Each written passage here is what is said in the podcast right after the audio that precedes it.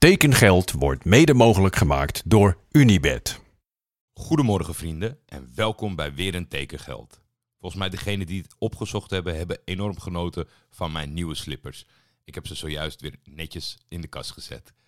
Uh, vandaag was ik bij ESPN Voetbalpraat. Luister dat terug. Ik zal proberen zo min mogelijk onderwerpen te dubbelen. Ik mocht uh, tevens plaatsnemen naast een debutant in de uitzending. Dat is Martijn van Zijtveld, die naast het uh, van voetbalwedstrijden bij ESPN ook nog een schitterende webwinkel heeft in voetbalshirtjes. Special Football Shirts. Vanochtend werd ik toevallig gewijs uh, getagd onder een bericht van hem uh, door Jean-Paul Risson dat hij een nieuw Olympique de Marseille shirt had hangen.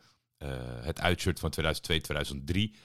En ja, die moest ik hebben. En gelukkig was Martijn zo vriendelijk om hem meteen mee te nemen. Dus ik zit er nu ook daadwerkelijk in op te nemen. Uh, Khalifa Airways is de sponsor in dat seizoen. En natuurlijk is hetgene wat meer tot de verbeelding spreekt de Ericsson shirtjes. Maar, zei Jean-Paul, er zit wel een verhaal achter. Ik heb het meteen opgezocht. Khalifa Airways, dat bestaat inmiddels niet meer. En dat heeft te maken met de oprichter. Abdelmoumane Rafik Khalifa, geboren 1 oktober 1966. Het is een Algerijnse zakenman die momenteel in Londen woont. Hij werd in Algerije veroordeeld tot een levenslange gevangenisstraf wegens criminele associatie, corruptie, misbruik van vertrouwen en valsheid in geschriften. Het zal je gezegd worden. Zijn proces was een van de grootste in Algerije, waarbij meer dan 1 miljard werd verduisterd via een reeks aan Khalifa gelieerde bedrijven. Nou, dat is me nog wel het verhaal. Dat is een beetje in lijn, der, uh, uh, in lijn met het verhaal van gisteren natuurlijk. Over uh, het gesjoemel rondom de transfers van Tevez en Mascherano ja, ik dacht uh, voordat we hier dieper in duiken, maar dit is wel even het benoemen waard. Eén onderwerp dat ik wel ga dubbelen, dat is Mario Gutsen. Het ging er in de uitzending over wat wij vonden van zijn bijdrage uh, in Eindhoven de afgelopen twee seizoenen. Marciano Vink en ik zaten een beetje op hetzelfde. Uh, we verwachten meer van zo'n type speler dan hij heeft kunnen laten zien. Toen ik daarna op Twitter keek, zag ik eigenlijk een soort ja, persoonlijke aanval van mijn goede vriend Sam Planting. Die had een tweet geplaatst Mario Gutsen, Eredivisie 2022 per 90 minuten. Hij is als derde geëindigd in het gecreëerde kansen uit open spel, vierde in passes in de laatste 30 meter, zevende in expected assist en eerste in balveroveringen laatste 30 meter. Dat zal zeker kloppen, want dat, is, uh, dat valt natuurlijk niet aan te tornen. Daaronder zag ik dan weer een tweet van een andere zeer gewaardeerde vriend, goede vriend Pieter Zwart, die zelfs uh, bereid was om een meme te plaatsen over het feit dat het middenveld wel eens weggedacht wordt. Achterin moet je bikkelhard zijn, voorin moet je assist en doelpunten hebben. En Mario Guts heeft natuurlijk dat laatste niet heel veel getoond in Eindhoven. Maar wil ik even dat we met z'n allen tot een eindoordeel komen. Het is door bepaalde uh, journalisten heel vaak aangehaald natuurlijk. Zijn wereldkampioenschap en het type speler. Hij kwam op 28-jarige leeftijd. Dat doet mij denken aan een soort Wesley Sneijder dat, uh, uh, die in verval zat bij Inter. En ja, Galatasaray bij de hand nam. En als een malle ging presteren, het nationale elftal haalde, et cetera, et cetera. Natuurlijk heeft hij belangrijke bijdragen, zoals in de statistieken van Sam. Maar ik vind het toch wat gek dat we hem een soort van gaan waarderen op het feit dat we... Ja, hoe moet je dat... Ik, ik, in, in mijn hoofd leek het wel alsof we naar een... Nou, een 38-jarige Juan Roman Riquelme aan het kijken waren met z'n allen. Dat hij toch wel heel slim is en toch wel een lekker paasje kan geven. En toch nog wel meehobbelt. Het is niet zo gek dat men meer verlangt. Ik denk dat de PSV-supporters die hem uh, veel in actie hebben gezien... hem ontzettend zullen waarderen voor wat hij gedaan heeft. Maar ik vind het contrast tussen Mario Gutsen en de eredivisie... hoewel we er met z'n allen gek op zijn... maar dat we ook weten met waar Mario allemaal gespeeld heeft en op welke podium en welke prijzen die heeft gewonnen, dan moet je gewoon elke week er ver bovenuit stijgen. Het is ook niet zo dat hij in een, in een soort uh, ja, random samengesteld zootje aan het spelen was en dat hij het maar hiermee moest doen. Hij had hartstikke getalenteerde spelers om zich heen en dan moet je gewoon meer laten zien. Het is een, een hij had een goede band met zijn trainer. De trainer zal ook andere eisen aan hem gesteld hebben. Maar ik vind toch dat wij met, met, met, ja, met het blote oog gewoon week in week uit hadden moeten zien dat deze jongen op een, in, ja, in een competitie speelde die eigenlijk uh, um, ja, te, te simpel voor hem zou moeten zijn.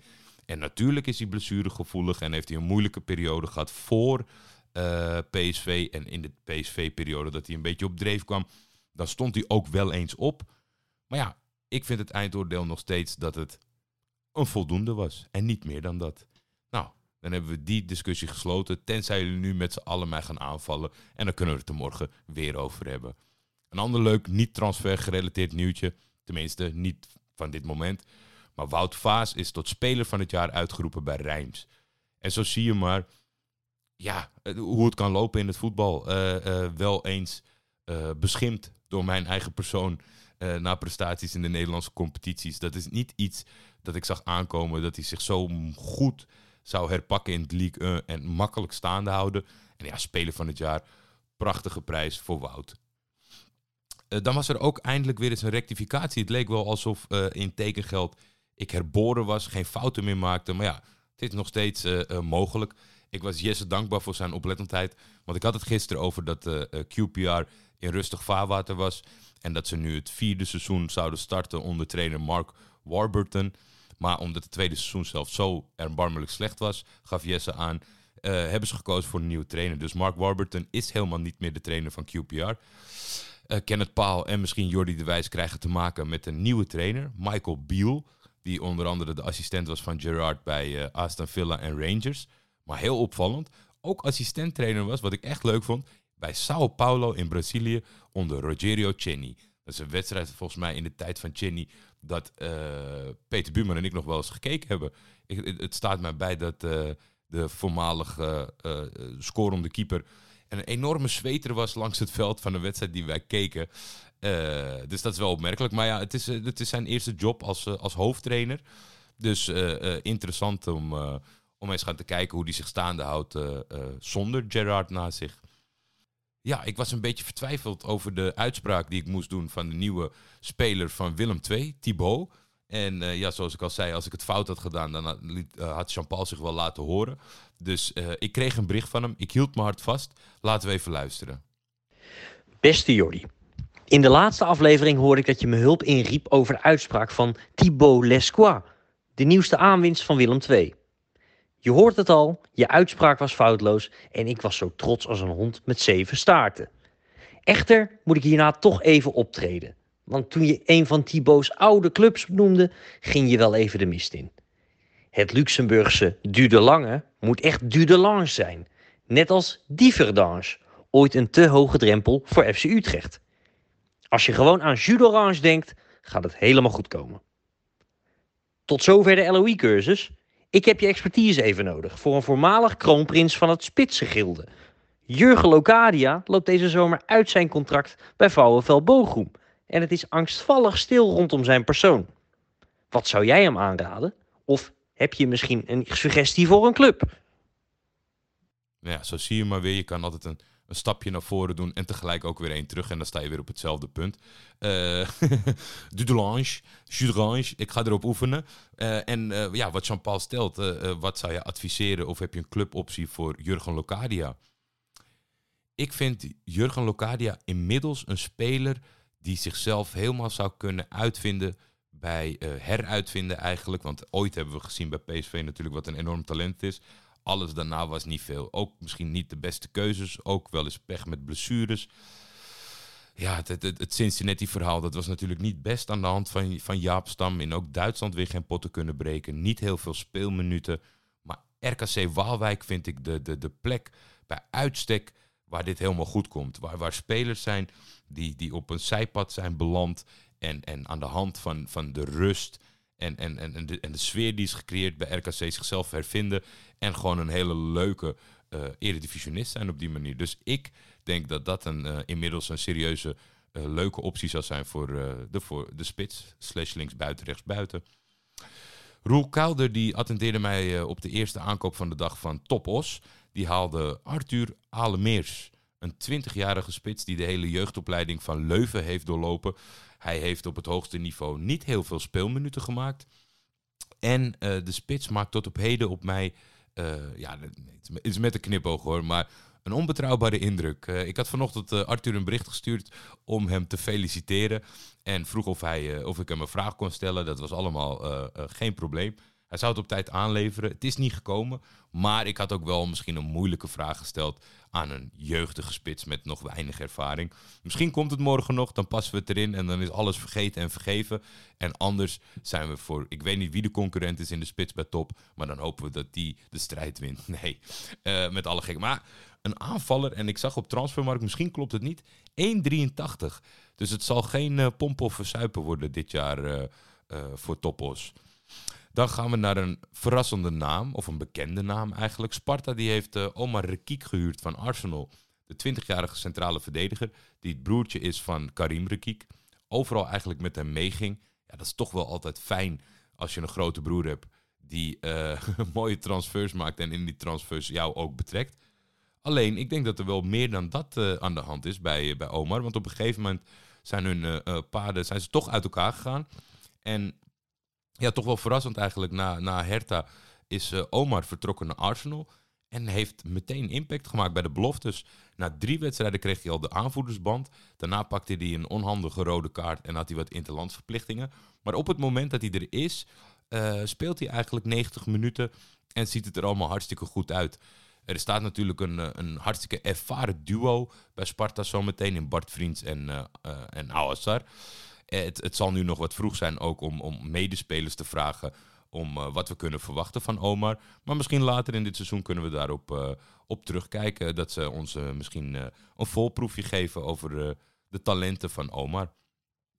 Dan weer nieuws van de superboeren, die het meest actief zijn tot op heden in de Nederlandse competitie. Zij huren de rechtervleugelverdediger Robin Schouten komend seizoen en ze hebben een optie tot koop. Hij komt over van Oeh, gaan we weer met uitspraken. Sunderjyske. Sunderjyske uit Denemarken. Ehm, hij heeft in het verleden veel wedstrijden gespeeld voor, voor NAC Breda en Volendam. De 24-jarige verdediger kwam niet helemaal tot zijn recht in Denemarken. Als je kijkt, de seizoenen lopen daar waarschijnlijk ook iets anders, denk ik. Uh, niet helemaal parallel aan Europa, maar hij stroomt daarin en speelt daar eigenlijk bijna niks. In ieder geval in de, in de reguliere competitie speelt hij niks. In de beker wel. En dan uiteindelijk uh, bij de belangrijke wedstrijden rondom de degradatiestrijd, dan is hij wel weer van de partij. Maar al met al heeft hij niet superveel speelminuten. Maar uh, de technisch directeur van uh, de Graafschap was lopend. Zij hadden de rechtsback die ze zochten, hebben ze in hem binnengehaald. Dus dat, is, dat gaan we in de gaten houden. De Graafschap haalt daarnaast de 30-jarige Leon Kaak. En Leon Kaak komt als ondergrensbewaker en dat vind ik gewoon ook schitterende bijnaam. Ik denk dat we Leon uh, gewoon aankomend seizoen de ondergrensbewaker moeten noemen.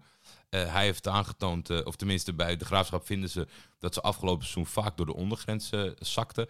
En halen daarmee in de ervaren kaak een speler die voorop in de strijd gaat, zowel op als naast het veld. Wat natuurlijk ook interessant blijft aan Leon Kaak is dat hij ooit na ja, enkele speelminuten bij Go Ahead Eagles vertrok naar Valencia. Dan wel tweede, maar toch, als we gaan kijken, Leon Kaak heeft toen samengespeeld onder andere met José Gaia, wat tegenwoordig de aanvoerder is van Valencia. Porto, de aanvaller van uh, Real Sociedad. De keeper heeft hij nog samen meegespeeld, Domenech, die Sillissen vaak eruit keept. En Robert Ibanez, die tegenwoordig bij Leganes zit. Er zijn ook een heleboel jongens van die lichting die uh, niet een traceren uh, cv hebben, of in ieder geval niet zo imposant. Maar ja, dat is natuurlijk een ervaring voor het leven die hij altijd bij zich zal dragen. Het is ook eigenlijk een klein beetje een ruildeal geworden wat dat betreft. Want Lyon komt over van Topos. En Rick Dekker die gaat, uh, die bewandelt de omgekeerde route. Uh, de speler uit de Feyenoord jeugd en die uh, al wat ervaring heeft opgedaan bij PEC in de eredivisie. Die vertrekt dan weer juist naar Topos om daar de rol van Lyon Kaak over te nemen. Joey Kesting, de 21-jarige keeper uit Wouwbrugge. Die de jeugdopleiding heeft doorlopen van Alphense Boys, Vitesse en PEC. Vertrekt naar RKC. Ik weet uh, niet of hij uh, uh, zich al mag richten tot keeper van het eerste elftal. Hij heeft op, op seniorenniveau nog geen wedstrijd gekiept. Dus kan hem moeilijk beoordelen. maar bij RKC waren ze er blij mee. En dan zijn wij er ook blij mee. Danny Landsaat, dan uit de, uit de trainershoek, die is zoals al reeds een beetje bekend was, nu officieel aangekondigd als assistent van John van der Brom bij Leg Poznan. En ook Fraser heeft nieuws uh, in, in de assistentenkring. Rankovic en Harold Wapenaar worden zijn assistenten bij FC Utrecht. Dan in de geruchtensfeer, maar wel betrouwbare geruchten. Dat zijn uh, uh, een bericht dat ik door, of getagd kreeg onder transfer Jordi van Wesley van Beukering. L'Equipe meldt dat Carlens Arcus, de 25-jarige rechtsback van Auxerre, transfervrij overkomt naar Vitesse Arnhem. Laatst had ik nog contact met de Vitesse supporter en die zei, nou ja, zolang er uh, geen overname zal plaatsvinden, denk ik dat het stil blijft uit Arnhem. Maar dat is dan toch het verlossende bericht. Carlens, uh, ik heb niet superveel wedstrijden van hem gezien. Hij heeft 25 interlands gespeeld voor Haiti. Uh, maar ja, opvallend. En, en, en dat, dat, dat zijn toch van die feiten die mij een goed gevoel erbij geven. Net als die jongen van José Fontan van Celta de Vigo naar Go Ahead Eagles. Ik verwacht wel wat uh, van Carlens. Want hij heeft al 161 wedstrijden gespeeld voor het eerste van Auxerre. Is de afgelopen vijf seizoenen gewoon regelmatig, en nou ja, eigenlijk praktisch de hele tijd, basisspeler uh, op League 2 niveau. Dus ja, daar zou je van zeggen. Auxerre deed natuurlijk tot het laatste moment mee om promotie. Hij is pas 25 en jij speelt dus al vanaf zijn 20ste in het eerste van Auxerre. En dat zijn allemaal bemoedigende berichten. Alleen het feit ja, dat hij transfervrij is en dat Vitesse hem kan oppikken. Het kan fantastisch scoutingswerk zijn. Het kan ook zijn dat er wat twijfels zijn omtrent Carlens. Maar ik laat me heel graag verrassen en ik heb er goede hoop over. Christopher Galtier, ik heb vaak in, in, in andere podcasts uh, die ik maak uh, lovend over de man gesproken. Hij heeft een uitstraling en een, en een kop uh, die, die mij enorm bevalt. De kampioenenmaker van Lille. De man die altijd stapt in, in langdurige projecten. Uh, alleen is het project bij Nice heel kort gebleken. Hij kreeg uh, ruzie met de eigenaar. Of tenminste, de, ja, de, de, de, de, de uitzendeling van de, van de eigenaar. Want het echt, de echte eigenaar van Nice is natuurlijk Ineos. Misschien had hij wat meer verwacht van ze. Misschien had hij wat steun van ze verwacht. Misschien was het situatie waarin ze zeiden of hij eruit of ik eruit. Ja, als dan uh, PSG aanklopt, dan is dat natuurlijk wel ineens een ander verhaal.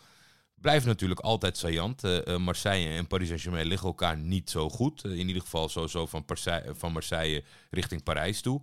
Nou, Gauthier die is geboren en getogen in Marseille. Bouche heeft daar ook veel gevoetbald.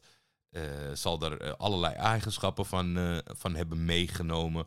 Maar PSG zet zich daar overheen en ziet in hem een man die er een geheel kan, van kan maken. Want dat is natuurlijk altijd de kritiek een beetje, of niet de kritiek, maar ook gewoon de vaststelling van ons. Het sterrenensemble is een beetje uit balans, ook gewoon qua kwaliteit van de spelers, als je naar de hele selectie kijkt. Maar het is natuurlijk ook verschrikkelijk moeilijk om deze verdettes allemaal keihard in één plan te doen laten geloven en te werken voor elkaar.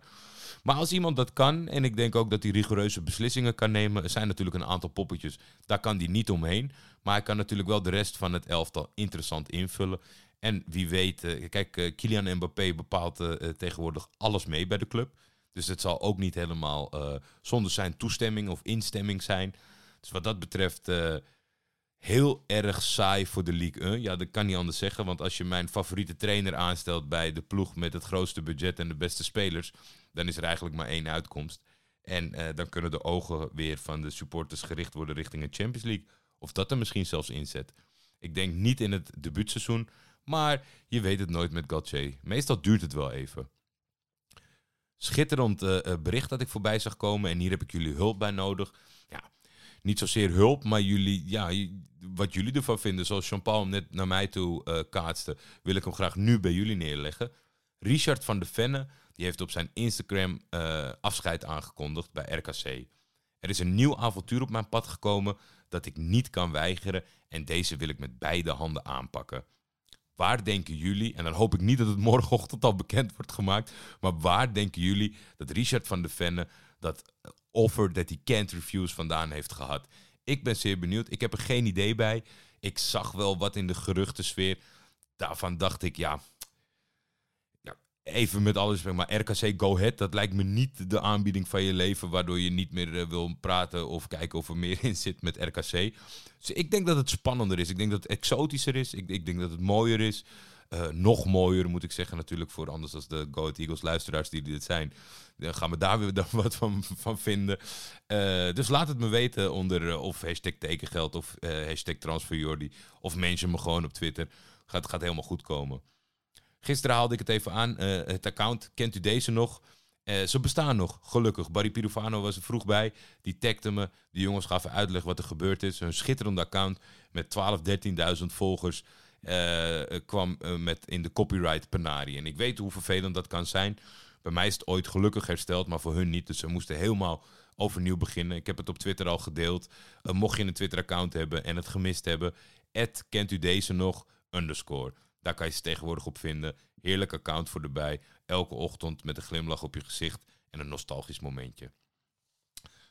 Tot slot, ik denk ja, niet rechtstreeks ook met transfers te maken, maar uiteindelijk wel. Want uh, Olympique Lyon komt voor een groot deel in Amerikaanse handen. De Franse club van trainer Peter Bos kondigde maandagavond aan dat een deel van de aandeelhouders gesprekken voert met Eagle Football Holding van zakenman John Texter. De Amerikaan is ook aandeelhouder van Crystal Palace, Botafogo en RWDM Molenbeek. Uh, bijzonder rijtje. Palace, Botafogo en Molenbeek. Daar Lyon aan toevoegen. Oké, mooi vlaggenschip binnen deze categorie, denk ik. Um, er is wel iets aan de hand, moet ik zeggen. Want de Amerikanen, die het niet eens fatsoenlijk voetbal willen noemen, maar uh, ja, gewoon soccer blijven noemen. Die al jaren zeggen dat ze de nieuwe, uh, de nieuwe uh, voetbalnatie zullen worden.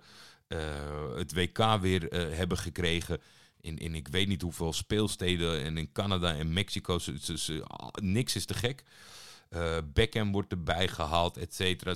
Nou ja, ze doen er gewoon alles aan om het op de kaart te zetten. Maar het wil niet echt. Maar als uh, uh, ja, de hoofdstad van het kapitalisme zo erg ineens geïnteresseerd is in het voetbal, dan moet er toch op de achtergrond uh, iets, iets meer aan de hand zijn. Er moet een ander motief zijn. Er moet een verdienmodel achter zitten. In principe, als je kijkt, Crystal Palace, Botafogo, Molenbeek. Het, ja, al, zou je de clubs heel goed leiden, zitten ze ook allemaal tegen een soort bepaalde lat aan, waardoor je zegt, ja, dat, dat wordt niet uh, cashen. Als, als, ja, je kan de spelers binnen deze groep roleren. En dan denk ik dat ze uiteindelijk bij Palace of bij uh, Lyon het meest interessant worden. Maar je ziet toch ook niet dat ze per se heel erg gericht zijn op transfers. Maar in, even dat opzij schuiven, als iemand daar een goede theorie in heeft waarom ineens uh, Amerika zo geïnteresseerd is in onze prachtige Europese voetbalwereld, uh, laat het me gerust weten. maar dat kan natuurlijk voor Lyon en voor Peter Bos wel betekenen dat er het een en ander verandert. Aulas, de, de uitgesproken Aulas blijft gelukkig wel. De Amerikanen eisen eigenlijk dat hij nog drie jaar blijft zitten. Dus uh, dat gedeelte hoeven de volgers van de Franse competitie niet te gaan missen. Hoe die uh, woest door de, door de tunnel loopt. Hoe die open kaart speelt over transfers. Dat clubs niet genoeg willen betalen. Of wat hij zelf bereid is om te betalen. Uh, dat heerlijke persoon blijft nog even bij ons als League 1-watchers. Maar daarna, ja, daarna gaan we het zien. En dat is toch wel het einde van een gigantisch tijdperk van wat Aulas daar heeft opgebouwd. Nou, ik vind hem wel weer mooi voor vandaag. Ik heb ervan genoten. Ik hoop jullie ook. Uh, morgen weer een dag kijken of we spelers kunnen vinden die wel een zegje hebben. Tekengeld is een Schietvogeltje Media original. Voor commerciële vragen en of samenwerkingen kun je mailen naar schietvogeltjemedia.gmail.com.